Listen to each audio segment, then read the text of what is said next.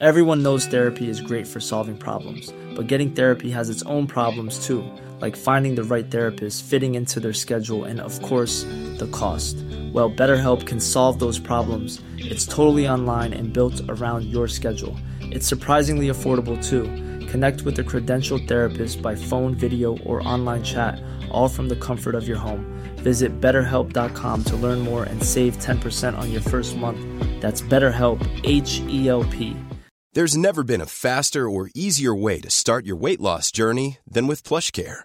PlushCare accepts most insurance plans and gives you online access to board-certified physicians who can prescribe FDA-approved weight loss medications like Wigovi and Zepbound for those who qualify.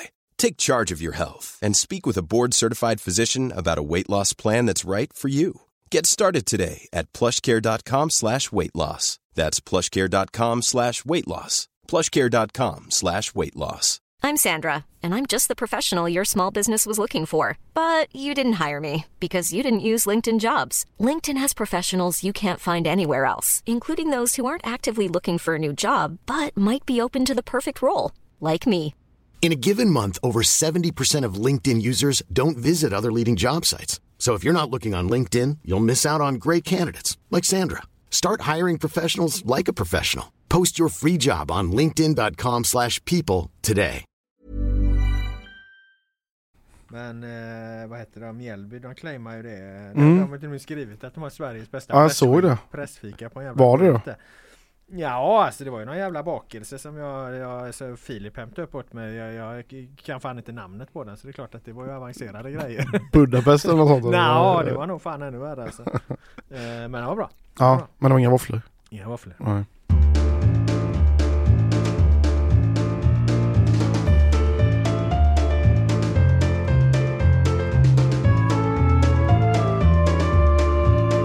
Välkomna till GPs fotbollspodd Laul med vänner som fokuserar på fotboll i allmänhet och fotbollen i väst i synnerhet. Precis som förra veckan gästas jag idag av min fotbollsvän Joel Besseling, mannen som leder slaget om Borås men även har ett av Sveriges skarpaste ögon på allsvenskan i sin helhet. Tillsammans är vi redo att ge oss på följande ämnen. Polisanmälan kring händelse i matchen Gais Jönköping Södra. En Gaisledare är avstängd. Det är ett misstänkt olaga hot i samband med den här superettan-matchen. Årets bästa fotbollsmatch i Allsvenskan, Malmö FF Häcken går vi igenom.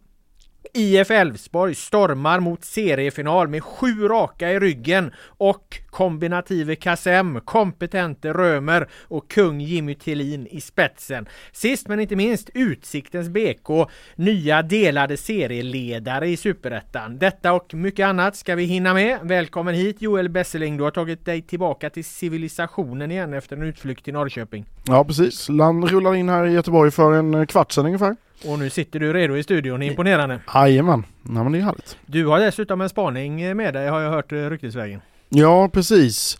Eh, vi pratade ju för några veckor sedan om eh, liksom domarfokuset som är i eh, liksom allsvensk media just nu. Eh, och vi sa ju alla tre, både du, jag och Filip, att vi är rätt trötta på det. Eh, och i den här, den här Med eftertryck sa du väl Ja, detta, att vi är trötta exakt. på det här ständiga domarfokuset. Och den här gångna helgen så slogs det någon slags rekord i domarvinklar. Eh, det var liksom, eh, det var mål som inte var mål, det var straffar som drogs tillbaka och det var gnäll och det var tjat i eh, både tv och i tidningar och allt möjligt. Och jag måste säga att ehm, jag börjar tröttna ganska ordentligt nu på det här. Eh, jag tycker inte det är roligt att konsumera överhuvudtaget. Och jag tycker så här att de aktiva, alltså spelarna och tränarna, de har ett ansvar, Mm. absolut. Eh, framförallt när de drar upp det själva, som eh, till exempel eh, Henrik Rydström och Glenn Riddersson gjorde den här helgen och så. Eh, men ehm, tycker, jag tycker minst lika stort ansvar ligger på oss i medierna. Att, eh, för jag vet själv hur det är i en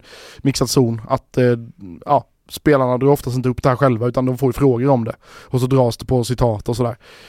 Um, och jag börjar undra snart om det finns någon slags, eh, eh, framförallt med tanke på det som sades i tv och så, att de aktiva på något sätt har kommit överens om att eh, sätta mer tryck på domarna för att få in VAR. Att, de, att det finns en dold dagordning Ja. här någonstans. Det gör det såklart inte men jag funderar Nej, på det. inte det, säg inte det. För- Alltså, större skandaler har väl skett? Ja, alltså när vi hade livepodd eh, här på Gamla Ullevi inför säsongen så frågade du mig så här, men kan inte det här liksom driva på? Det var någon fråga du hade till mig om, kan inte det här driva på? Jo, om, eh, för att det var ju Rydströms teori där att man ska försöka tänja Ja. på reglerna så mycket som möjligt och göra sådana här liksom eh, eh, saker som är på gränsen, matchförstörande grejer och så. Liksom, om man leder det eh, argumentet, om man driver det argumentet till sin spets så, så blir ju det i slutändan anser jag ett argument för VAR tyvärr. Ja, ja men precis. Och jag börjar mer och mer landa där också. Att, eh, eh, framförallt nu med tanke på det fokuset som är på domarna hela tiden. Att eh,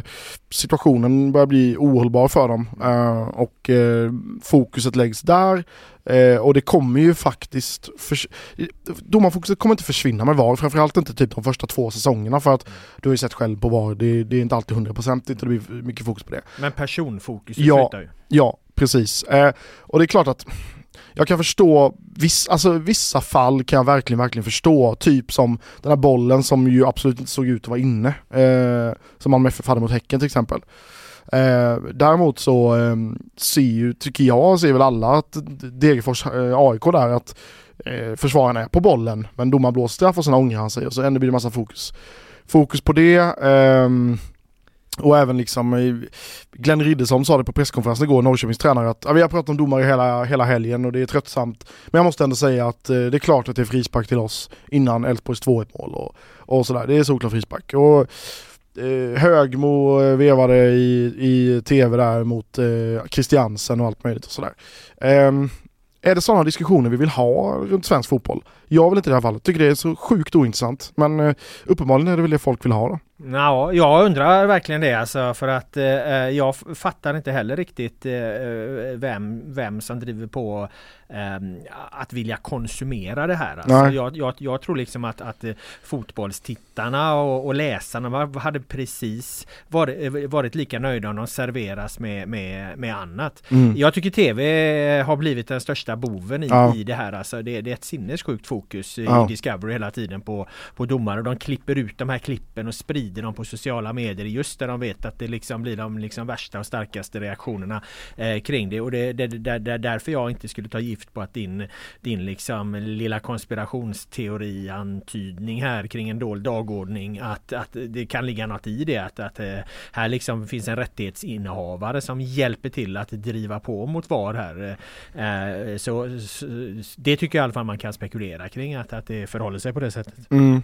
Ja, jag, jag tror inte att eh, liksom Discovery som rättin- rättighetsinnehavare är med på det. Det låter lite väl eh, konspira- konspiratoriskt. Däremot tänker jag typ att tränarna kan ha pratat ihop sig. Eh, eller någonting eh, om detta. Men eh, ja, nej jag, jag håller med dig och jag tror att eh, det är intressant det du säger om intresset för de här, den här typen av läsning. Där tror jag att, eh, för vi ser ju på Twitter då, eh, som ja, har ju blivit, eh, eftersom att många journalister är där så det blir ju det någon slags måttstock för många om var intresset finns. Och där är det ju mycket domarfokus. Eh, Och det, men det tror jag är felaktigt. Jag Mm. tror att hade, hade vi serverat eh, liksom läsarna och tittarna med, med andra initierade analyser och, och så här så tror jag att de hade uppskattat det minst lika mycket. Eller liksom eh, porträtt och beskrivningar av unga talanger och, och stjärnor och, och, och liksom eh, eh, satsat lika hårt på det. Som, som, nu tycker jag att GP är förhållandevis liten spelare i hela den här diskussionen. Vi är ganska restriktiva med det här men, men framförallt Discovery och, och kvällstidningarna driver ju på det här något enormt. mm. Jag är ganska liksom, tacksam som bevakar Elfsborg att jag slipper oftast de här domarvinklarna för Jimmy Tillin eh, säger ju aldrig någonting om domarna. Och det liksom spiller ju ner på spelarna, det är de är ganska försiktiga med det också. Satan vad det hedrar honom i, i allt det här. Ja, verkligen. Jimmy Tillin. Vi ska hylla honom rätt mycket i det här avsnittet. Så vi kan Mm. prata mer om, om, om honom sen. Men vi kan ju, vi kan ju nämna det liksom. Alltså vilken, vilken föregångare på, på området han är som aldrig hela sitt liv har yttrat en, eh, eh, liksom andats eh, någon domarkritik. Vi driver ju lite med honom att han är tråkig och så. Mm. men i, i, i grund och botten och i det här sammanhanget så blir det en komplimang snarare. Ja, verkligen. Uh, jag har varit med om det många gånger liksom att när det har varit eh, ganska ja, felaktiga situationer som har missgynnat Elfsborg har han ändå sagt att uh, sånt händer. Mm. Det är inte mycket mer med det och jag har respekt för domarna. Mm. Så Cred. ja. Cred till Jimmy Tillin. Vi återkommer till honom. Vi lämnar din spaning där, mm. eller den tar oss egentligen över på, eh, på eh, vårt första ämne här och eh, för att den här spaningen är ju någonstans en, en generell bedömning. Eh, I den här matchen mellan Gais och Jönköping Södra då i Superettan så, så dras ju allting, eh, allting det här till sin spets. Så här sker ju då en riktig liksom avart som, som jag tycker faktiskt är jävligt allvarlig. och det är ju då att en händelse ska ju vara polisanmäld ställd i samband med den här matchen eh, och då eh, bygger det bland annat på att tre rosor har placerats i ett låst domarrum eh, efter att personer i Gaisledning haft synpunkter på diverse domslut och det har varit liksom ganska uppeldat kring domslut i matchen då från läktarna och så här. En Gaisledare är avstängd. Det finns en polisanmälan som då ska röra ett ett hotbrott och eh, en annan Gaismakthavare är rapporterad då till SVFFs eh, till SVFF helt enkelt. Eh, mm. och Joel, liksom, den här liksom bottenlösa tragiken i att offentliga klubbföreträdare eldar på det här liksom hatet och hetsen mot domare på det här viset. Vad känner du kring det? Nej, alltså jag, jag ska vara lite försiktig med tanke på att det är liksom ett precis inledande skede, framförallt i den här liksom, efter den här polisanmälan och det är väldigt tidigt även i, i eh, rapporteringen till eh, SVFF också. Men eh, bara att det liksom kommer upp och att det blir en fråga tycker jag är, eh, jag måste säga att jag finner nästan inga ord för eh, det är ju de här personerna som ska vara liksom förebilder och, och, ta ansvar för att säkerställa en trygg arbetsmiljö för hela liksom, eh, fotbollsfamiljen och hela rörelsen och där ingår ju domarna. Mm. Eh, man såg ju på tv-bilderna efter, mm, i slutet av matchen där att Eh, Eh, ett, en handfull Gais-supportrar var nere och sprang ner till liksom, närmast bänkarna bakom och skrek liksom, okvädningsord eh, mot domarna. Eh, och det var vad jag har hört eh, liksom, totalt urballat där, eh, där nere bland de få personerna ska vi säga. Och att det sen fortsätter liksom i katakomberna. Eh, jag vet inte, det är så fruktansvärt eh, deppigt. Och mot den bakgrunden då så, så fattar jag ju att, att det här till slut då mynnar ut i en eh, polisanmälan. För att jag menar när du har den stämningen och så kommer du in i ett domarrum och så ligger det tre rosor där. Alla liksom som har, någon gång har varit på en begravning vet ju att man slänger ner rosen i kistan och, och eh, tar farväl. Och här ligger då liksom tre rosor, en per domare. För det, det var ju liksom inte så att de stod i en, i en vas där liksom. Utan det, det var ju li, li, snarare lite så här gudfaderns style. Och då tänker jag så här. Oavsett vad det handlar om, det var ju liksom min tolkning och det är uppenbarligen också är det hur, hur de som har upprättat anmälan har tolkat det. Eh, oavsett det då. Bara att göra den här grejen, alltså, alltså från från alla de här stegen från idén. Du får en idé för han ska placeras på rosor in ja. i det här låsta domarrummet. Du fixar rosorna. Du låser upp det här domarrummet dit väldigt få människor har tillträde. Du lägger dit dem. Alltså då tycker inte jag att man är, att man är sund nog att vara makthavare i en eh, svensk elitförening. Då måste man antingen få hjälp för att förändra sitt beteende. För det är ett allvarligt fel på ett sådant agerande. Eller så ska man helt enkelt inte, inte vara makthavare i en svensk elitfotbollsklubb. Som som ju hanterar ungdomar och, och ska stå för vissa grundläggande värderingar. Ja det är så otroligt konstigt. Eh, det här med rosorna. Och att det är liksom de stegen du säger nu. Mm. För det är ju som sagt ett låst domarrum. Mm. Men det är så många eh, led i det hela där ja. du kan tänka jag, jag, kanske inte, jag i min position kanske inte ska driva på det här hur, hur, hur vad nu fan tanken men, var liksom. varför lägger man dit rosor? Alltså hur? Ja, jag, jag tol- det är ju mycket alltså, mer... min, ja, men min första tanke var precis som de uppenbarligen har tolkat det liksom att mm. det, det, det, är kopplat till begravning. Att det är liksom ett hot helt enkelt. Det är ju så de, mm. det, är ju, det är ju därifrån vad jag förstår en anmälan kommer till då. Jag, annars, annars polisanmäls eh, Precis som du säger, det här funderade jag också på eh, igår här i dagarna att eh, hur man själv hade liksom tolkat den här situationen. För först tänkte jag så här att eh, hade jag själv liksom kommit in på min arbetsplats och så rosor så hade jag inte brytt mig det minsta liksom. Men man får någonstans sätta det i kontexten att det de har fått utstå ute på planen mm. med de här arga supportrarna, arga spelare och allting sånt. Ett massivt hat ja, kommer de ifrån. Ja precis, och så är dörren låst och allt det här liksom. Eh, det, det, är väl den kontexten man får sätta det i men annars så förstår jag inte det här med rosorna. Eh, menar du att eh, de här personerna då är så pass liksom, ehm, eh, skarpsynta i den här situationen att liksom, ja, men rosor är en bra markering. Eller tog de bara det första som fanns till hands? Det, det, det, det är så mycket spekulationer eh, i det här. Eh, det, det är så jäkla märkligt. Ehm, men ja, det är många led i det. Eh, Oavsett vad det är Ja. så är ju, är ju agerandet olämpligt. Oavsett Ja, ja, vad, vad, vad, vad man vill signalera med det. För det är ju ingen vänskaplig gest liksom. nej, jag funderar på om det kan vara ett, ett försök till ett uselt skämt på något sätt. Mm. Att eh, här får ni blommor för att ni var så jäkla bra liksom. Eh, ironiskt. Mm. Jag vet inte. Då, Mm. då i så fall hade det väl varit läge att kliva ut och säga Ja, det vid det här ja, laget. Och det ja. har ju, de har ju inte sagt Nej. flaska Nej. därifrån. Liksom. Nej, så att, så att fin, ha- fin, hade det funnits en jäkligt bra förklaring Mm. eh, då är i alla fall min slutsats att då går man ut och säger, säger ber tusen gånger om ursäkt. Mm. Det här var ett skämt som uppfattades helt fel. Mm. Vi, vi är jätteledsna för om vi har orsakat någon obehag och så. Alltså vem fan hade inte gjort det i det läget? Om det här verkligen var, eller? Hur, hur ser du på det?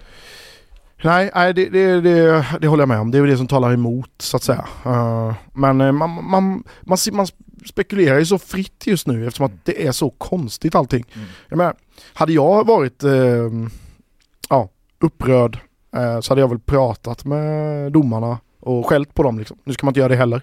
Men ja, man kanske sökte någon annan eh, effekt i det. Men eh, nej, ja, eh, det är så konstigt. Det är så konstigt. Utöver detta ska ju då Magnus Sköldmark, eh, som är en av eh, Gais absolut eh, mäktigaste eh, personer, eh, vara rapporterad till Svenska Fotbollsförbundet för ett osportsligt uppträdande i samma match då. Att han har haft synpunkter i aggressiv ton mot domare och assi- assisterande och det har varit eh, högt och tydligt på ett felaktigt sätt. Och det här är alltså en helt annan situation, har ingenting med de här Nej. rosorna ska, eh, ska sägas utan Sjö- Sjö- Sköldmark är då, är då rapporterad till, till SVFF här då. Eh, sen är det inte helt klart då vad jag förstår om detta ska gå till disciplinnämnden ännu för det fungerar ju nämligen så här att, att eh, Sköldmark rapporterad i matchdelegatens rapport för detta osportsliga uppträdande. Den rapporten går sen, sedan vidare till något som kallas RO, alltså Svenska Fotbollsförbundets riksombud och det är då Tobias Tibell. Eh, Tibell har därefter två månader på sig om eh, det här ska rendera i en anmälan till disciplinnämnden där det då kan bli en bestraffning. Det har ännu mig veterligen inte skett så att Sköldmark är ju då bara inom situationstecken rapporterad men inte anmäld. Och översätter man det här till ett vanligt rättsväsende då eh, så kan man ju säga att polisen har upprättat en brottsmisstanke. Utredning pågår men åklagaren har ännu inte tagit beslut om det ska gå till åtal om man ska jämföra de Ja. olika funktionerna i, i hur förbundet är organiserat för att hantera eh, sådana här saker då. Mm. Ja precis. Ehm, och här eh, tycker jag mm, precis eh, har samma åsikt eh, som jag hade kring eh, Ros eh, Gate så att säga. Eh, att ehm, jag, när jag sitter på pressläktare och sånt och ser klubbföreträdare sitta och skämma ut sig på mm, antingen hedersläktaren eller rent av på pressläktaren. Eh, och gapa och skrika och bete sig som de aldrig hade gjort på något annat ställe än på fotbollsarena. Så eh, skäms jag ju eh, liksom ur deras vägnar. Eh, och deras vägnar. Ehm, och här har det ju uppenbarligen då eh, också, eh, återigen det här är tidigt eh, i den här processen också. Eh, så att eh, jag vill vara lite försiktig med eh, vad man säger men det har ju uppenbarligen gått så långt i alla fall så att eh, matchdelegaten tycker att det är rimligt att rapportera klubbchef Sköldmark. Och ehm, ja, det- Där, där, tyck, ja. där, där, där tänker jag någonstans också att, att eh, när klimatet är som det Ja. är, det måste man ju ta in som Ja. klubbföreträdare. Eh, Man kan ju inte liksom se varje match som, som ett vakuum isolerade från allt Nej. annat. De måste ju se samma sak som, som vi ser och, och de måste väl någonstans, tycker jag, kunna, kunna vara mer professionella än, än, än att själva ryckas med här. Ja, det är på plats att ta lite, ursäkta uttrycket, jävla samhällsansvar tycker jag. Bra. Ja men det, de ska inte vara med i dem, eh, liksom, i den, vad ska man kalla det för, eh, pöben som liksom ska slåss mot domaren i ett offentligt rum. Det, det är för dåligt. Mycket kring eh, situationerna i Gais där. Eh, men det ska vi säga att tyvärr, tyvärr, tyvärr så är ju inte det här eh, enda incidenten från senaste veckan där en ledare då ska ha gått över gränsen. Eh, om vi ska göra ett sömlöst ämnesbyte här så var jag ju i Hällevik på Svenska cupfinalen Häcken-Mjällby där Mjällbyledaren, eh, sportchefen eh, Hasse Larsson då ska ha liksom ha delat ut en tryckare i brösthöjd till Samuel Gustafsson i halvtid i, i cupfinalen. Eh, detta ärende utreds också då av Svenska fotbollsförbundet enligt en liknande turordning. Eh, och det, alltså, det där är ju också otroligt dåligt agerande av en, av en, eh, av en, av en, ja, en sportchef liksom som trycker till en, en spelare när han står och ska bli intervjuad mitt under en pågående match. Det är ju egentligen helt obegripligt, eh, otroligt att det händer. Och efter den här matchen så hade vi supportrar då eh, när Häcken hade vunnit, alltså supportrar i synnerhet från Häcken som betedde sig riktigt jävla illa på, på inneplan medan eh, prisceremonin pågick i, i bakgrunden. Polisen där hade ju fullt sjå att hålla eh, grupperna åtskilda då för att Häckenfansen började hetsa liksom mot, mot Mjällby-supportrarna som, som eh, där de flesta då stod kvar på läktaren tack och lov. En polis skadades ju här och fördes till sjukhus så, så att jag menar allt det här sammantaget svensk fotboll mår fan inte bra. Nej, det är, om man tittar på de enskilda incidenterna så ser det, det ju en liten väldigt, klubb som Häcken som ja, liksom aldrig haft några problem med nej, det tidigare. Exakt. Och Mjällby liksom också en liten nej, precis. Häcken, det har ju dock hänt lite med liksom ultraskulturen inom Häcken. Vi hade ju den här eh, flaggbränningen i Helsingborg eh, i fjol där när Jörgen Lennartsson eh, var bedrövad efteråt. Eh, eh så att eh, det är ju inte, Häcken har ju ändå, det har ändå hänt lite där. Men ehm, Nej det var riktigt, riktigt tråkiga, pinsamma scener igen. Sen ehm, jag tycker det är svårt det där liksom hur svensk fotboll mår för ja det sker ju saker och så. Um, samtidigt som det är ganska många matcher där det inte händer någonting nu upplever jag också. Um, men ja. Hasse Larsson mm, Nej, ja, ja där, där, återigen jag låter som en uh, trasig skiva men uh, man vet ju nästan ingenting om den grejen. För Samuel Gustafsson vill ju inte heller säga Eh, Nej men Häckenledarna bekräftade ja. det och jag tror SVT, det kom väl ut via SVT. Jag antar att de liksom ja. eh, satt, vad säger man, satt på första parkett när det skedde liksom. Ja precis. Att, eh, ni såg ingenting från pressläktaren? Nej inte från pressläktaren, han var inne där gången. Ah, okay. Men det var liksom en... En, en, en tryckare? Alltså, alltså en tryckare i bröstet. Alltså en, en, liksom hur fan beskriver man det nu när folk inte ser mig? Men alltså han vispar till honom lite med sidan av armbågen sådär liksom. Låter också som ett dåligt skämt, försök till skämt. Nej det tror jag inte med tanke på, på han, var, han var ju då vad jag förstår förbannad för att eh, Samuel Gustafsson hade ju tagit, eh, vad heter han, eh, Johansson? I, ja, eh, Alexander. Ja, tagit något, eh, inte strupgrepp utan ett nackgrepp. Han som man lyfter en katt. Ah, Okej, okay. så det var, inte, det var inte kopplat till pissarena Nej, jag tror att det här var, var att eh, de kivades ju rätt mycket under ja. matchen där och att Samuel Gustafsson då tog ett, liksom ett nackgrepp eh, på, ja. på honom vid något tillfälle. Och så ska en sportchef ge sig in i det och ja. vara fysisk. Ja. Dessutom Nej, en sportchef som har en fast plats på en helt annan del av arenan så han tar ju sig en lång väg in hit och hinner också ångra sig massa gånger men ändå kan han inte då behärska sig. Nej. Vilket uh, upplyftande avsnitt det här blir då Vi pratar om de här klubb, klubbföreträdarna som beter sig ja, som men det är otroligt. Jag menar vi kan ju inte sitta och prata gott nej, om fotboll nej. när sånt här sker. Vad fan nej. alltså, hur jävla sugen är man på att prata om Gais match när det här har nej. skett med polisanmälan och skit liksom. Ja, alltså, det, det, det, det, blir ju tyvärr så. Ja, jag gillade dock eh, Samuel Gustafssons eh, t-shirt efter matchen. Ja just det. Bortskämd slyngel stod ja. på den. Eh, som Hasse Larsson kallar honom. Ja. Och, det, och, det, och, och, och, någonstans så kan man väl glida över där då att, att, alltså att att hantera eh, konflikter, kontroverser snyggt respektive osnyggt då. Mm. Det är jävligt osnyggt av Hasse Larsson att dela ut en tryckare i brösthöjd då, då om nu är det vi ska använda. Eh, Medan det är rätt, rätt eh, roligt eh, av Samuel Gustafsson mm. och, och, kliva ut med den t-shirten där. Ja, alltså, precis. Det, det, det, det, blir, då, det, det är ju helt, helt rätt. Ja, och även eh, Peter Abrahamsson kallade ju Hasse Larsson för bortskämd slyngel eh, efter han fick höra om ja. tryckaren i brösthöjd då. Eh, så att, eh, nej alltså på ett sätt, ja, det, det Hasse Larsson gjorde är ju såklart eh, förkastligt också, men eh, på något sätt så har ju hela den här historien kring Häcken och Mjällby eh, blivit, eh, liksom dragit till sig en jäkla massa intresse. Eh, och det sa ju Samuel Gustafsson också tidigare här, apropå Pissarena-gate, att eh, det drar till sig intresse och det får man ändå ge dem liksom att eh, Men har undrar om, han, undrar om han tänkte på det när han slängde ur sig det efter lottningen? Nej, det tror jag nej, inte. Det är en nej. liten efterhandskonstruktion. Så. Ja. Men han har ju helt rätt. Ja, ja, Det har ju ramat in hela det här. Ja, he- ramat in hela cupfinalen ja. Ja. Ja, nej.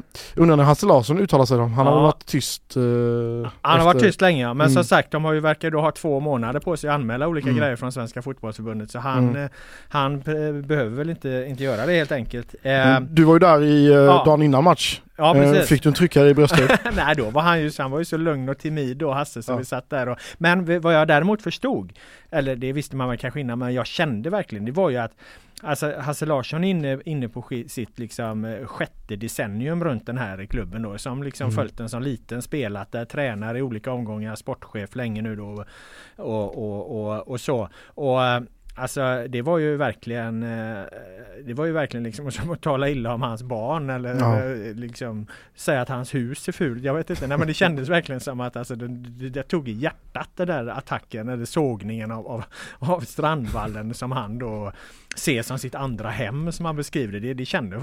Han, jag tror faktiskt han blev ledsen på riktigt. Ja. eh, Så. Var han med och byggde Strandvallen Ja, men för li, 78 ja, år sedan? ja, lite så. Den byggdes ju 53 då. Så Ja, att.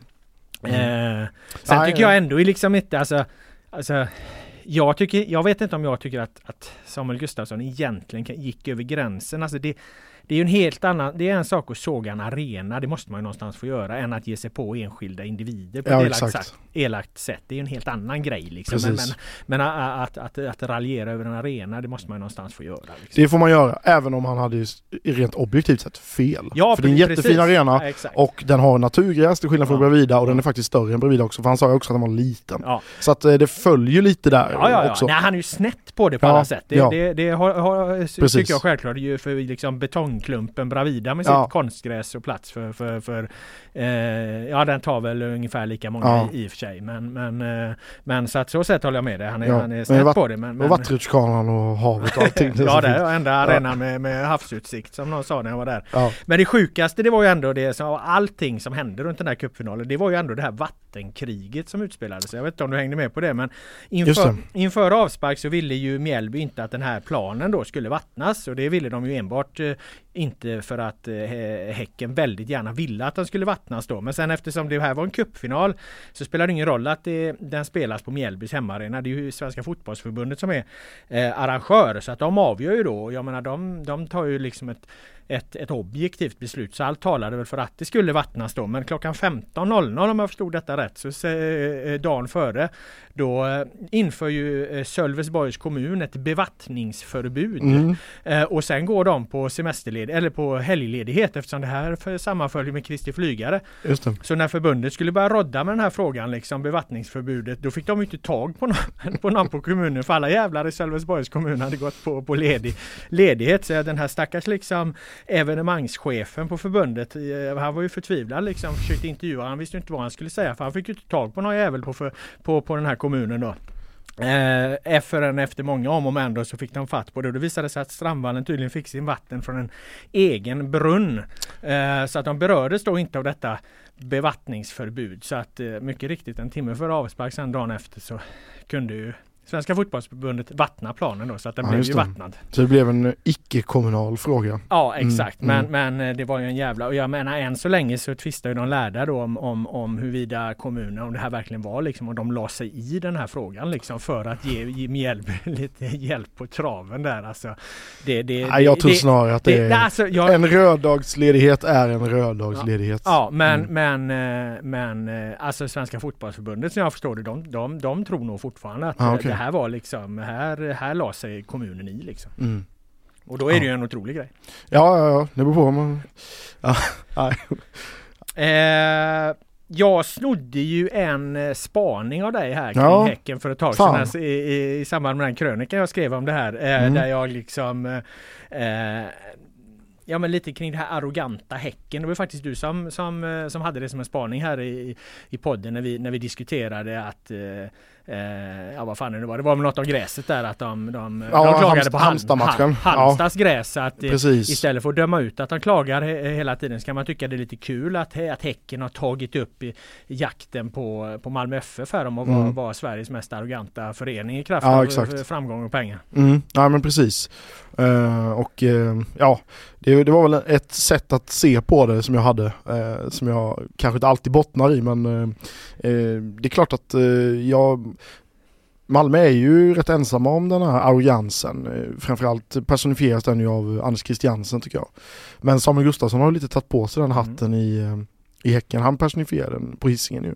Mm. Med t-shirten eh, färsk i minnet då, bortskämd Ja. slyngel och allt annat de håller på med. Ja, också sättet han pratar på. Han är ju väldigt liksom eh, verbal och intelligent och sådär. Det känns som att han, eh, han har börjat utnyttja det mer och mer också för att få övertag eh, i liksom rubriker och sånt inför matcher och Men jag, Och så. jag, jag tycker de gör det lite alla, eh, många i Häcken där. Det är liksom om, Mm. många beslut och så här. De, de är lite retstickor Mm. överlag också så. När jag hade skrivit den här krönikan då om arroganta Häcken, där jag snodde din spaning då. Mm. Då fick jag ju ett filmklipp skickat till mig från inifrån spelarbussen.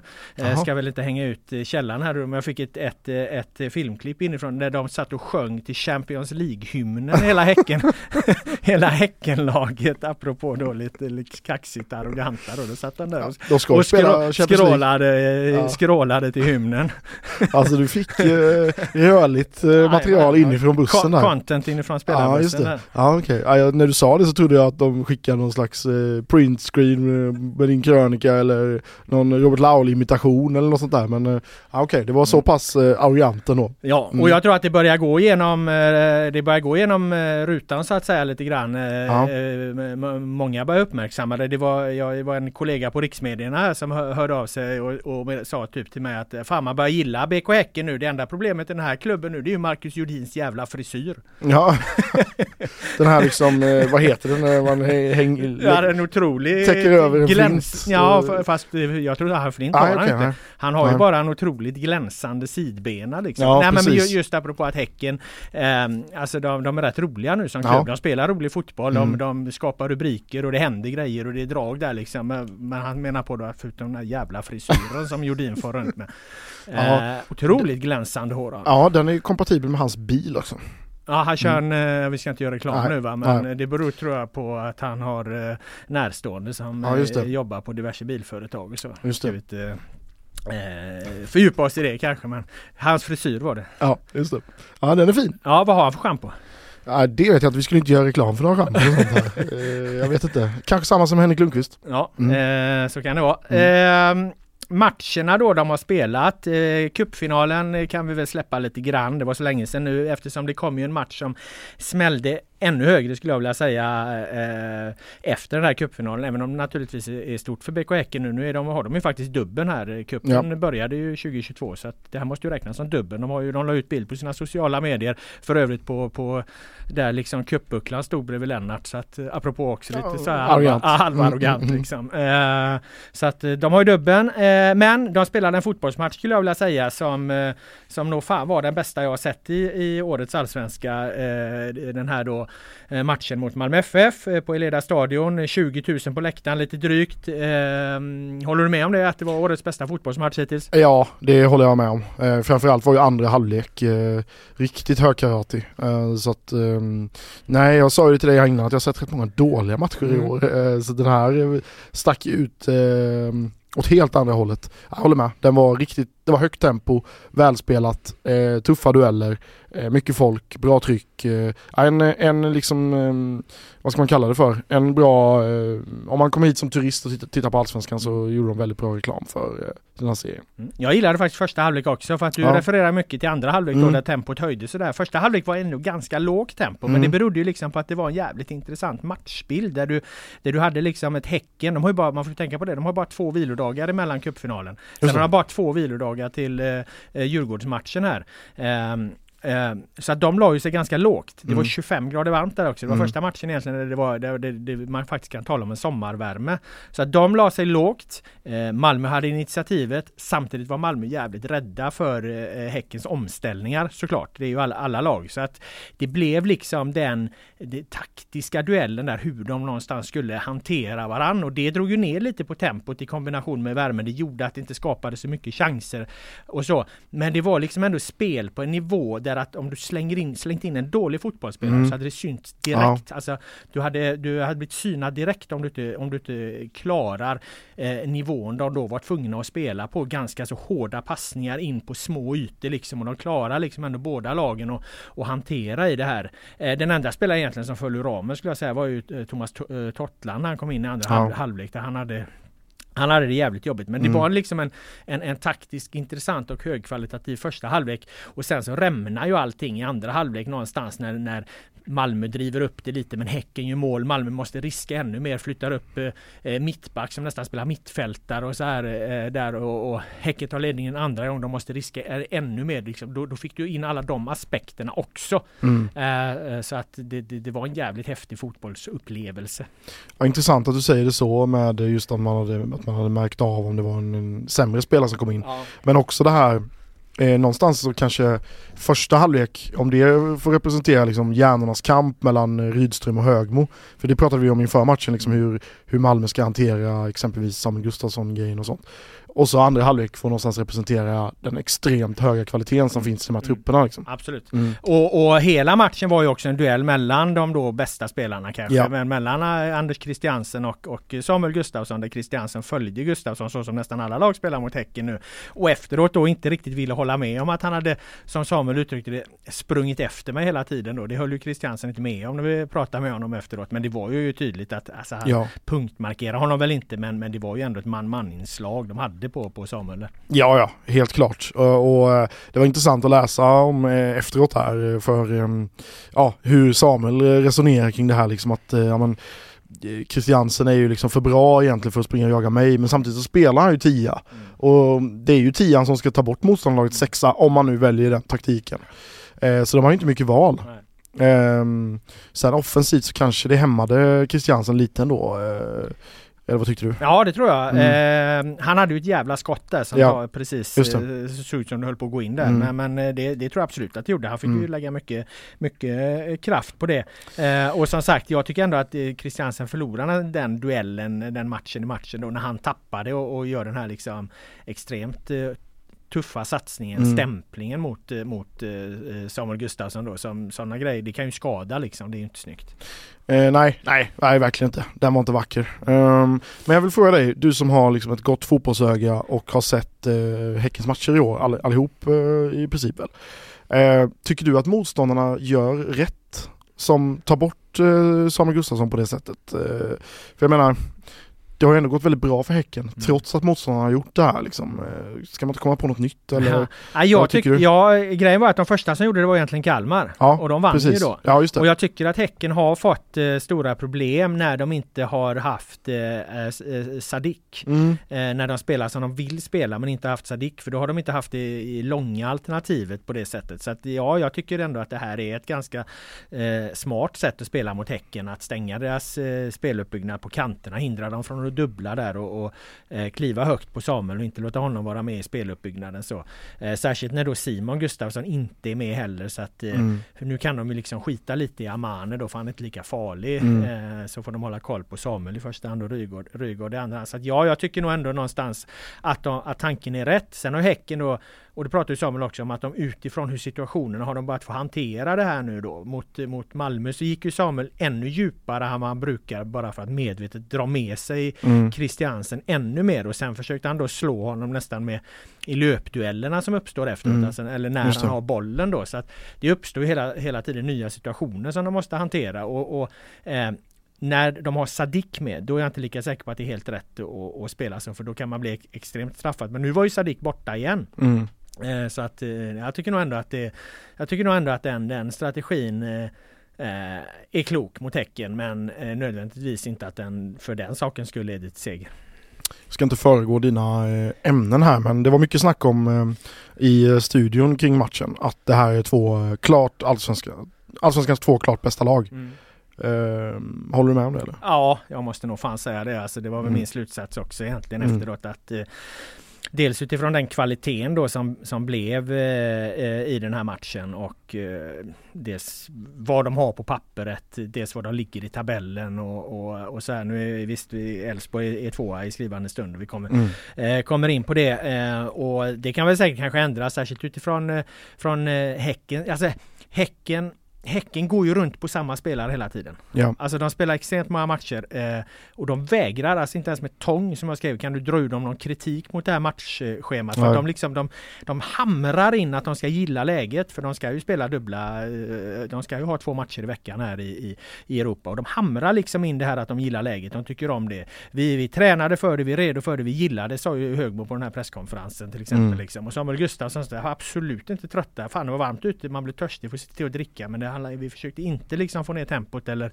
eller rycka sönder matchbilden. Vi var inte trötta. Alltså det, de, de, de, de, ingen skulle klaga på, på, på, på det här. Men jag vet inte, någonstans känns det väl ändå som det finns en smärtgräns. Hur länge kan man spela två matcher i veckan med exakt samma spelare? Dessutom ökar ju skaderisken med tanke på hur mycket stryk Samuel får till ja. exempel. Alltså tillfällena att bli skadad ökar mm. ju. Mm. Vad händer om Samuel Gustafsson blir skadad? Kan då kanske Elfsborg utmana om det här ja. eh, eh, eh ett av de bästa lagen? Jag tycker att Malmö är lite bättre. Jag tycker ändå mm. att mitt bestående intryck är att Malmö om man tar in truppbredden ser ut att vara starkaste laget i år. Det går inte att komma ifrån. Även om vi ska eh, komma ihåg här nu. Vi var ju oroliga för, för om allsvenskan skulle överleva mm. den här våren. Men jag menar Vinner Elfsborg nu på Borås Arena då, så har, då, då, då, då är du tight. Ja, ja, ja verkligen. Då har ju allting har ju förändrats i så fall mot de här 10-12 poängen vi snackade om att kunde bli. Ja men precis, eh, vinner Elfsborg, eh, vilket ju är eh, fullt möjligt, då är, det, då är de ju på samma poäng som mm. Malmö FF.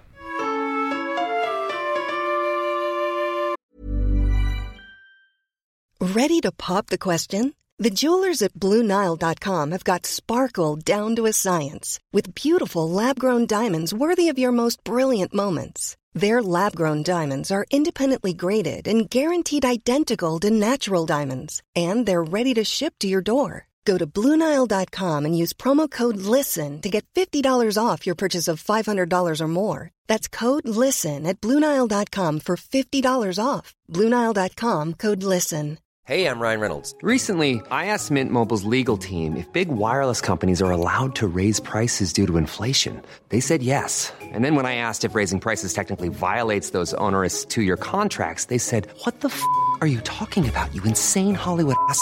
So to recap, we're cutting the price of Mint Unlimited from $30 a month to just $15 a month. Give it a try at mintmobile.com slash switch. $45 up front for three months plus taxes and fees. Promo for new customers for limited time. Unlimited more than 40 gigabytes per month. Slows. Full terms at mintmobile.com.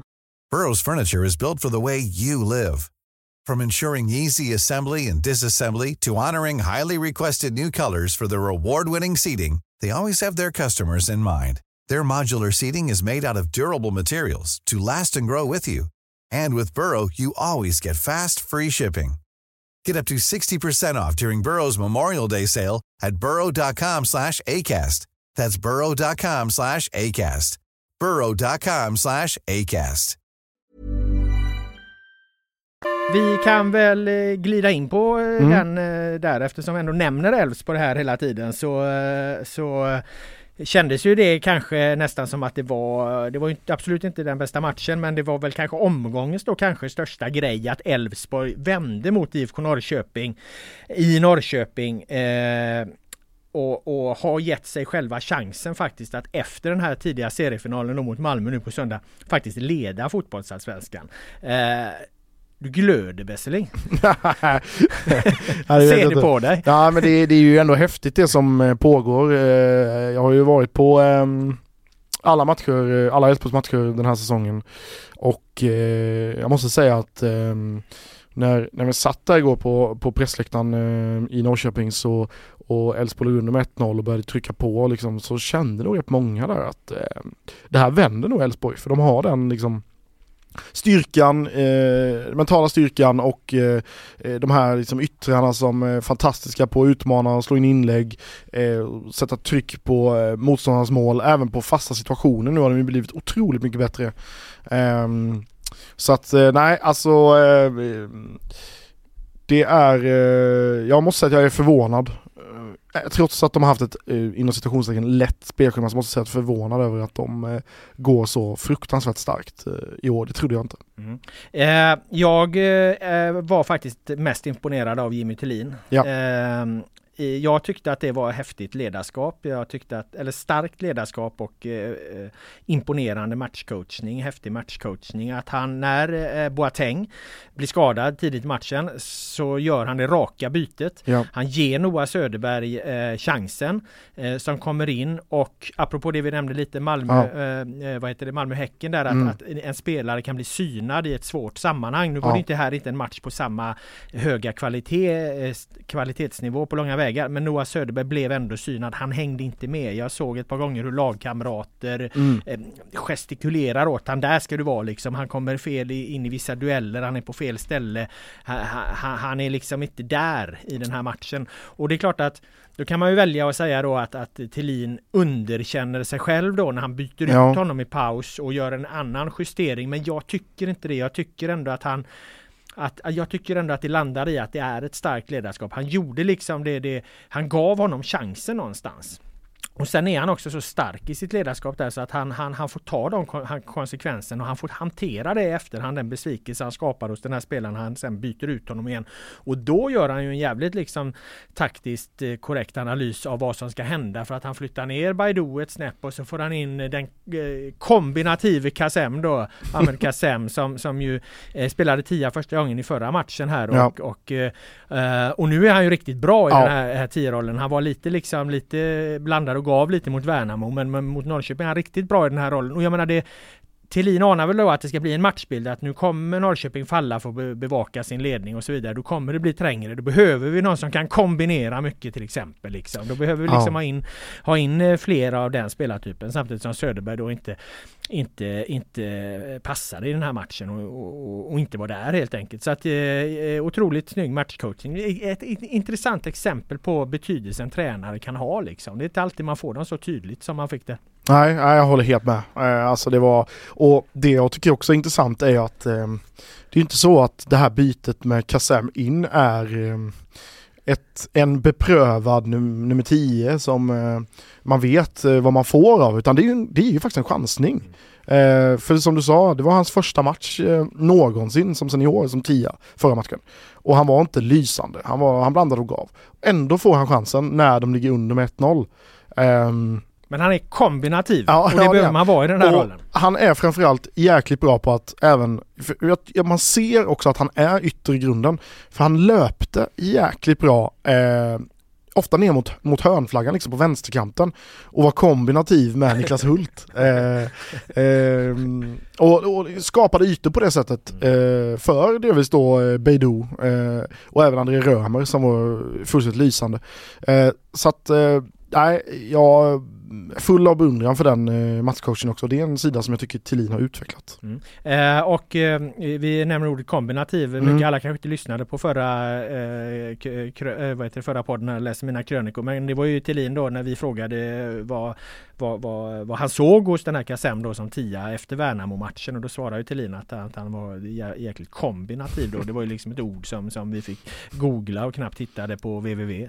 Ja exakt och som blev rödmarkerat i vårt skrivprogram också. Exakt, det mm. existerar då inte enligt vårt stavningsprogram där som jag skickat till dig igår. Nej, det, det, det, är högst tveksamt om det där ordet egentligen finns men eh, nu finns det. Ja precis. Eh, Jeppe Ockels 1 mål var ju eh, häftigt tycker jag. Alltså den kylan och behärskningen han visade när han gör Sinnesnärvaro. Ja exakt, precis. Eh, nej men eh, de, jag måste också säga att eh, Norrköping imponerar inte alls på mig. Eh, jag har inte sett dem jättemycket i år. Eh, men att de inte kan eh, liksom, stå för en bättre prestation på hemmaplan mot Elfsborg, de ligger ändå fyra liksom. Ja men de, är, de har överpresterat gentemot sin tabell position. Det, Ja. det, ja. det, det, så, de, alltså de har ju ett par jävligt skickliga individualister men jag har sagt det tidigare, det finns inget lag där avståndet är så stort Nej. mellan de här skickliga offensiva spelarna eh, Traustason, Sigurdsson, Nyman eh, Ja. eh, gentemot laget i övrigt. Eh, eh, mittfält, backlinje, målvakt. Alltså eh, de defensiva delarna. Det är en milsvid skillnad där liksom. Så att det är klart att Norrköping kommer köra över många smålag, Ja. sämre lag i den här serien absolut. Men de, de kommer inte ha något med toppplatsen att göra. Det vågar jag nästan garantera. Nej, det är, utifrån vad jag såg igår så, så håller jag helt med. För jag tycker det var tydligt att Elfsborg, även Ja. när de låg under i första halvlek, det var tydligt att Elfsborg Ja. är ett bättre fotbollslag med alla problem Elfsborg ändå hade med skador och så här och Boateng ut och Mm. Söderberg in och det här i första halvlek. Så tycker jag ändå det är tydligt att Elfsborg är ett bättre fotbollslag. Ja, det jag tycker också är fascinerande är att Elfsborg har haft den här eh, superformen under våren när Per Frick knappt har varit tillgänglig. Alexander Bernhardsson har knappt varit tillgänglig. Och Michael Beidou har varit, eh, jag skulle nästan kalla det för under isen. Eh, ja, det, det är eh, det är lite, lite märkligt faktiskt. Men de har, eh, de har liksom supertoppform på eh, eh, Jakob Ondrejka, André Römer, Sebastian Holmén och även Niklas Hult skulle jag säga. Jag måste fråga dig om Mm. Römer där. Mm. Du var ju lyrisk och hyllade Ja. honom mycket. Jag, eh, jag har inte sett närmelsevis så mycket av Elfsborg som du har gjort. Men jag tycker alltid Römer Ja. är bra. Ja men absolut, absolut. Det, det, det håller jag med om. Men jag tyckte att eh, dels, han hade ett lite tyngre fjolår. Eh, och var inte bra den här försäsongen, sen är det ju försäsong du vet. Men han blev ju faktiskt petad någon försäsongsmatch där och var rätt sur och Thelin sa att ah, men han måste steppa upp liksom. Ehm, så nu tycker jag att han är minst lika bra som han var 2021, hans debutsäsong när han var jätte, jättebra. Nej, han är alltid bra, men jag tyckte igår, det var någonting där när de han är så jäkla lugn med bollen också. Han är inte bara den här duellspelaren och ankaret liksom, utan han passar bollen framåt och han är väldigt lugn med bollen på små ytor, vilket du ofta inte ser på en sexa.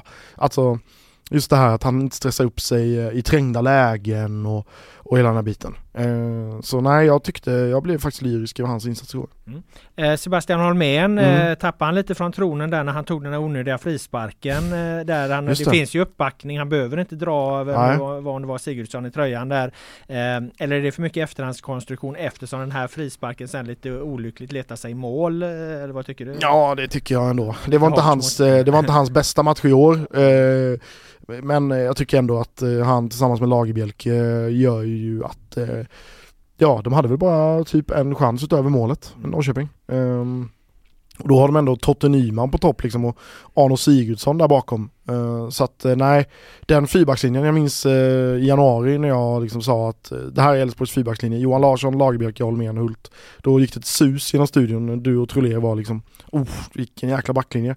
Det visar de ju nu att den är en av allsvenskans bästa. Absolut, men Mm. jag tycker att Elfsborg fortfarande får kämpa, även om de har gjort, Mm. de har ju fan nästan gjort mest mål i Allsvenskan om de inte har gjort mest. Nej, det har de inte. Nej, det har de inte. Men de är ju ett, eh, Mm. ett av de där uppe som har gjort väldigt många Malmö och mål. Häcken har ut fler. Ja, Mm. eh, så de är ju där tillsammans med dem då. Eh, men i- alltså i de här matcherna då, där de ändå möter, nu tycker jag ju liksom att Norrköping är ganska svaga ändå, men de får, de får ändå jobba Mm. hårt för Mm. sina mål. Alltså Mm. jag, jag, jag, får, jag får den känslan fall, att de får slita rätt mycket för sina mål. Ja, de, de får slita mycket för sina chanser kan man väl säga, för de skapar ju ändå rätt mycket chanser ändå. Eh, De hade väl typ eh, sex avslut på mål och 12 avslut totalt, eh, vilket väl ändå är liksom ganska bra tror jag. Eh, Men jag håller med, de har ju inte de här avstädningarna på det sättet som Häcken och Malmö har haft kanske. Så nej, jag, det är väl därför också som jag också delar den här bilden lite grann av att Malmö och Häcken är allsvenskans två bästa lag. Mm. Och Elfsborg är det tredje bästa laget. Mm. Det behöver dock inte betyda att Elfsborg inte kan vinna SM-guld.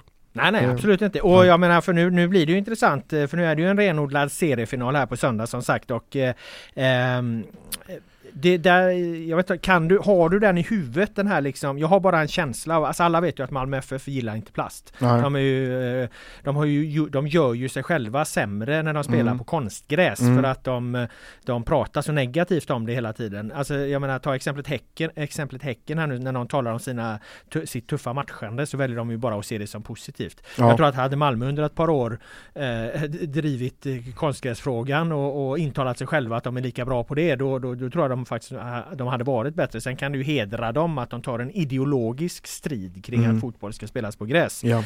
Det tycker jag absolut. Men, men eh, nå- eh, så jäkla stora problem som de ofta har på konstgräs eh, det, det borde de egentligen inte ha. Men det har de. Men däremot har jag liksom ingen Jag har, jag har, någon, jag har ingen eh, klar bild över eh, exakt hur bra de är eh, på Borås Arena. Har du det eh, färsk i minnet? Ja, alltså ehm, Elfsborg vann ju mot Malmö på Borås Arena i fjol då. när Elfsborg var så formstarka där på hösten.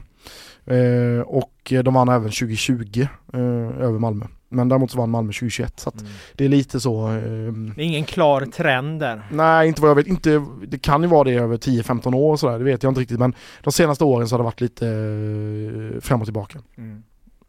Vad, eh, du som har eh, sett eh, Elfsborg mest i, i, i svensk press förutom de du slåss mot i slaget om Borås då. Vad, vad ger du liksom, vad ger du Elfsborg för chanser mot Malmö FF? Malmö FF, är- alltså det är ingen som har besegrat Malmö FF i år. Nej. Häcken var ju nära men, Mm.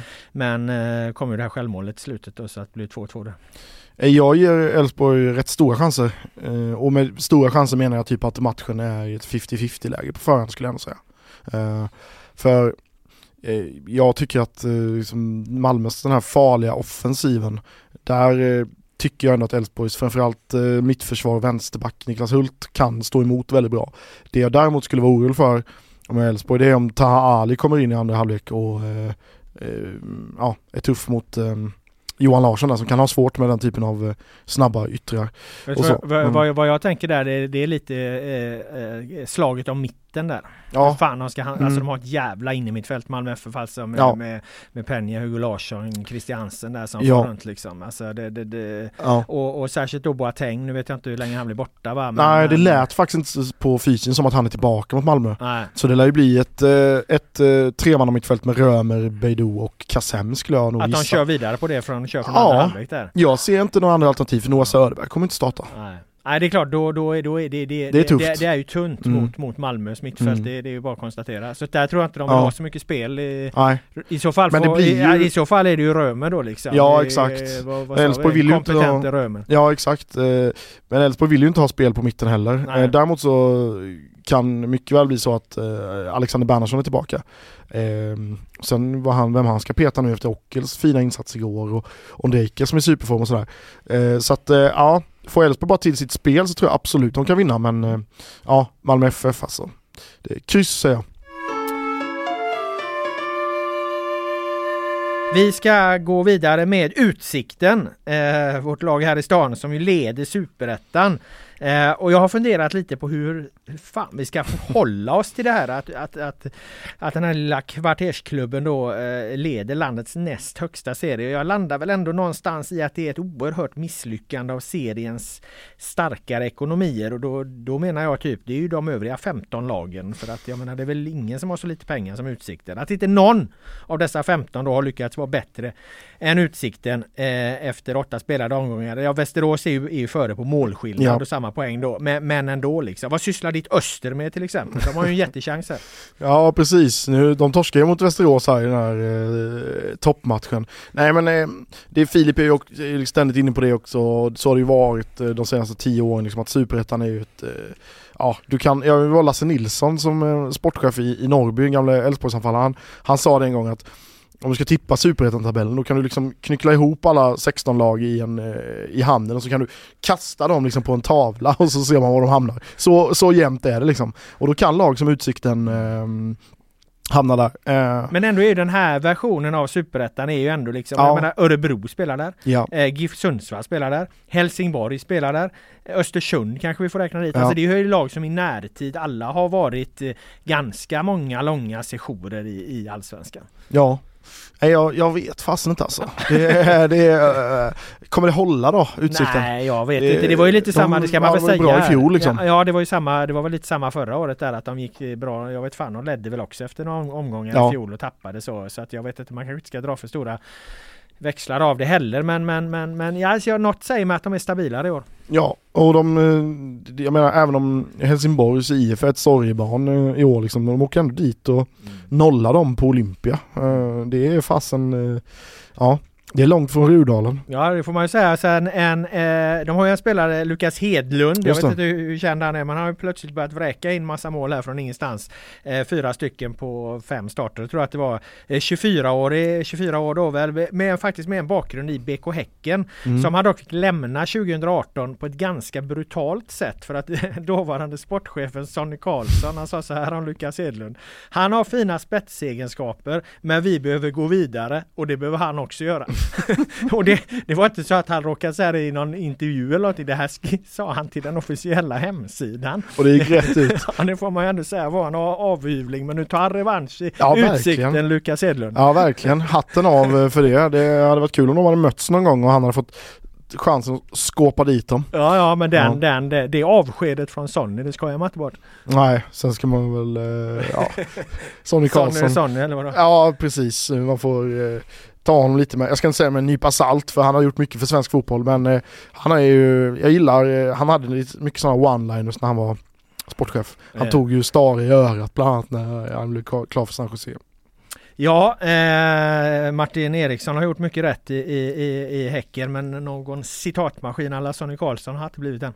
Nej, det är väl den gamla skolan möter nya skolan lite grann va? Det är väl lite så. Mm. Eh, nu har ju då eh, Utsikten här, nu har de Östersund borta följt av Örebro eh, hemma och eh, ja, så frågan är alla ställer sig, jag vet inte om de har något svar på den egentligen Joel, men, men, eh, men eh, hur länge håller Utsikten? Nej, jag, jag vet inte. Alltså det är, det är så svårt att säga. Man inte, man inte liksom ehm, har full insyn i eh, hur, eh, hur de har sett ut i spelet och sådär. Man får nästan eh, ta in Filip Trolé för det när han är tillgänglig igen. Mm. Eh, Ja, han har men- haft jävla mycket med allt annat så Ja, han han inte vara med här idag heller så Ja, han har ju exakt. knappt heller hunnit följa Utsikten men, men jag menar Fortsätter han så här då får vi ju, då får vi ju liksom, då får vi ju omgruppera till hösten liksom och då följa eventuellt Utsiktens eh, Ska du köra ett race där? Ja, så det blir vi ju tvungna Du och. Ingemar Lundin? Ja, ja, eh, ja, vi är ju goda vänner nu. Vi är på speaking terms igen, jag och, och sportchef Lundin, så det är väl inga problem. Men, men eh, ut, vad heter det, ursäkten var ju levererad, Ja. mottagen och accepterad som vi nämnde förra gången. Så att, eh, eh, nej, vi får väl helt enkelt se. Ligger de i topp i höst så det är klart att då får vi följa dem bättre. Absolut, och, och vi, pratat mycket om, vi har pratat mycket om eh, Bosko Orovic, deras tränare, liksom, som eh, ju alltid är tacksam för oss. Eh, och han, eh, han är ju ändå en bra tränare. Liksom. Det har han ändå visat, tycker jag, tidigare, även om han hade jobbat i Gais. Eh, men han gjorde ett bra jobb i Kviding för några år sedan och, och nu eh, gör han ju underverk med den här utsikten. Och det trodde man inte när man satt på upptaktsträffen, att eh, han var försiktig när han tippade de sexa. Eh, bra, vi lämnar utsikten där och vi lämnar våra ämnen och vi ska ta oss an vår sista punkt i, det här, eh, i den här podden och det är ju som vanligt eh, Svennisskalan. Eh, är du redo Joel eller ska jag sticka emellan Ja, mina? kör du först. Det är ju då att vi utser något som varit bra, eh, mycket bra och mycket, mycket bra. Och jag börjar med bra och då tar jag upp IFK Göteborg som vi inte har nämnt eh, eh, så mycket i den här, det här avsnittet hittills. De är faktiskt obesegrade då i fem raka matcher. Norrköping, Degerfors, BP, AIK och Hammarby. Det är, det är visserligen mest kryss och det blir kryss nu eh, mot Hammarby här i en, i en av eh, samstämmiga rapporter att döma ganska medioker match. Jag var ju i Malmö där samtidigt så jag såg den inte. Eh, men fem raka utan förlust är ju ändå klart bättre än då den katastrofala inledningen med fyra raka förluster. Så därför är jag bra till IFK Göteborg. Mycket bra tycker jag det är att eh, eh, publiksiffran mot Hammarby, den som rapporterades i alla fall 17 289, det är mycket bra. Och det är imponerande att locka så mycket folk när Blåvitt ligger där de ligger i tabellen och spelar den fotbollen som de eh, spelar. Då är det bra att, ha över 17 000 sålda biljetter.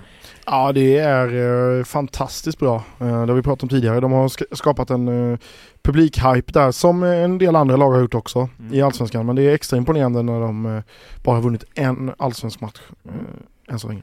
Så är det. Och mycket, mycket bra då Joel. Mm. Stand up paddleboard. SUP. Vet du vad det är Wesseling? Du, det jag- är, ja, vänta jag- här nu. Jag testade detta i helgen. Eh, jag ramlade i och för sig av, blev av med mina slipade solglasögon. De ligger på botten av någon jävla sjö, dammig sjö i, i, i Floda här nu där jag försökte dyka efter dem men hittade dem inte. Men jag är fast för det här med, med, med SUP. Alltså det är en svinnice träningsform för oss som börjar bli lite till åren Wesseling. Mm, mm. Så att eh, nu ska jag köpa mig en bättre bräda och ge mig ut för att utforska naturen i vårt land vattenvägen. Ja, Jag tror jag har sett det klippet 20 gånger. och jag, hade Jag hade, faktiskt- åkt, jag hade åkt i en och en halv timme och så tog hon upp kameran och skulle filma när jag kom mot bryggan. Tror du inte jag ramlar?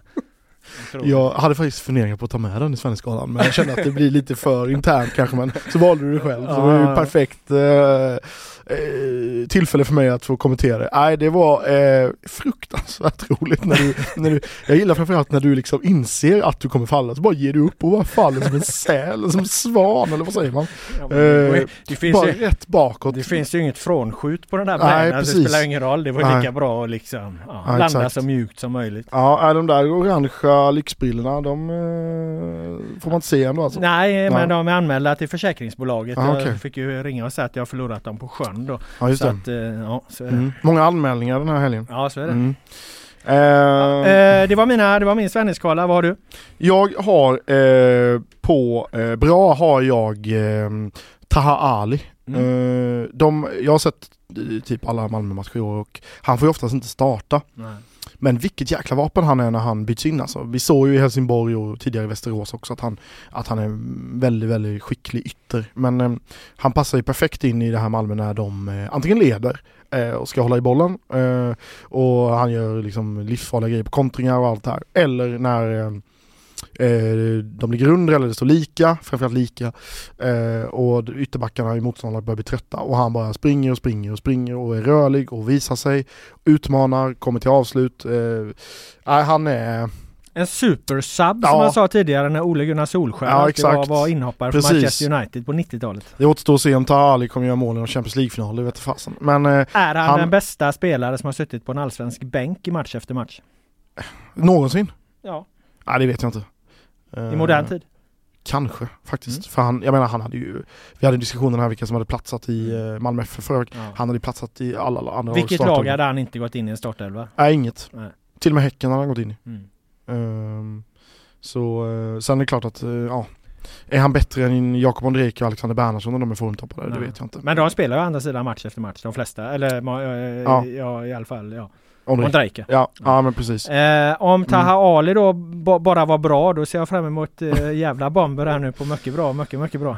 Ja precis. Ehm, nej men eh, mycket bra måste jag säga. Eh, Norrköping en eh, försommarkväll. Oj! Ja, jag eh, kom dit igår eh, eftermiddag där tre timmar innan, eh, innan eh, avspark ungefär. Eh, match mot Elfsborg. Med hatt och linneskjorta ser jag framför mig. Nej eh, men jag hade faktiskt, jag, jag arbetar inte i shorts. Eh, jag är ju i eh, Du är Ocean Cantwell Exakt, team, team i det lägret. Ja. Precis. Eh, en man med självaktning. Eh, och, eh, men däremot, jag bytte om innan matchen. Men däremot så, jag promenerade från, jag bodde ganska nära stationen och promenerade genom stan, gick över broarna, kryssade genom de små gränderna. Mycket folk på uteserveringarna, det var varmt i luften, hade bara skjorta på mig. Eh, och sen en väldigt fin inramning på ehm, parken som vi säger, eller parken som eh, Glenn Riddersson säger. Det hedrar honom för övrigt att han kallar den för det. Den heter ju inte det längre. Eh, en härlig allsvensk upplevelse, tyckte jag. Mm. Ehm, Men framförallt stan låter du nöjd med och, och din Ja. promenad genom den. ja, Mm. ja verkligen. Den var nog bättre än matchen faktiskt.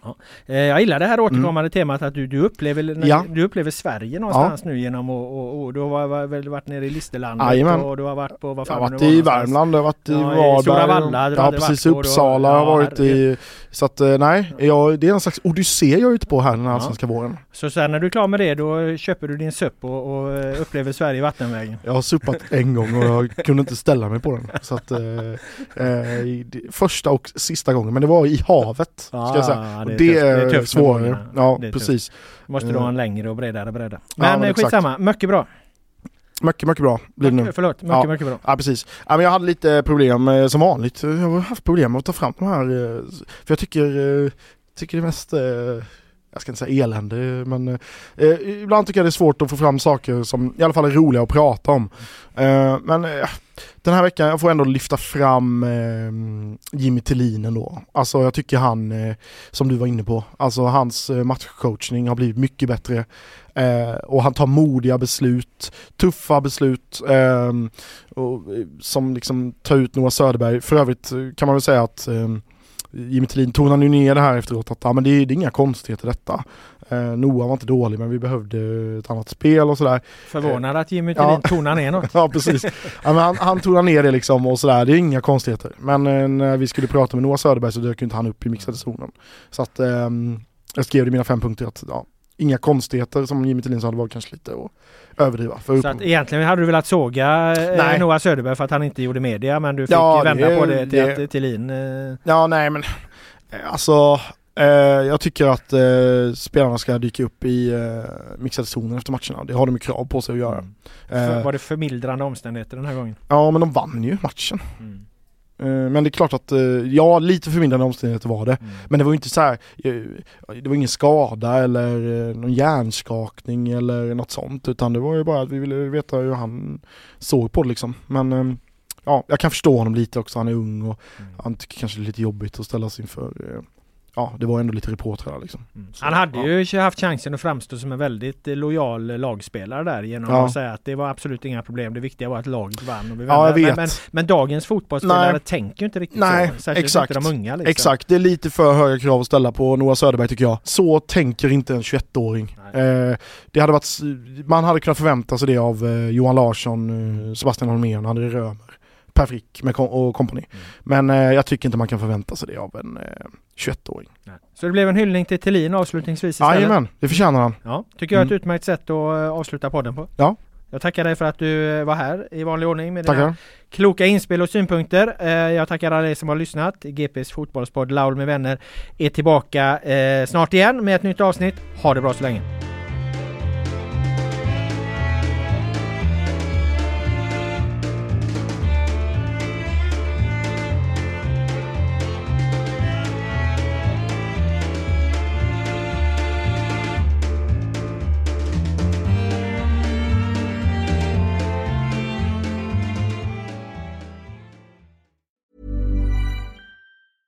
Hey, it's Danny Pellegrino from Everything Iconic. Ready to upgrade your style game without blowing your budget? Check out Quince. They've got all the good stuff shirts and polos, activewear, and fine leather goods, all at 50 to 80% less than other high end brands.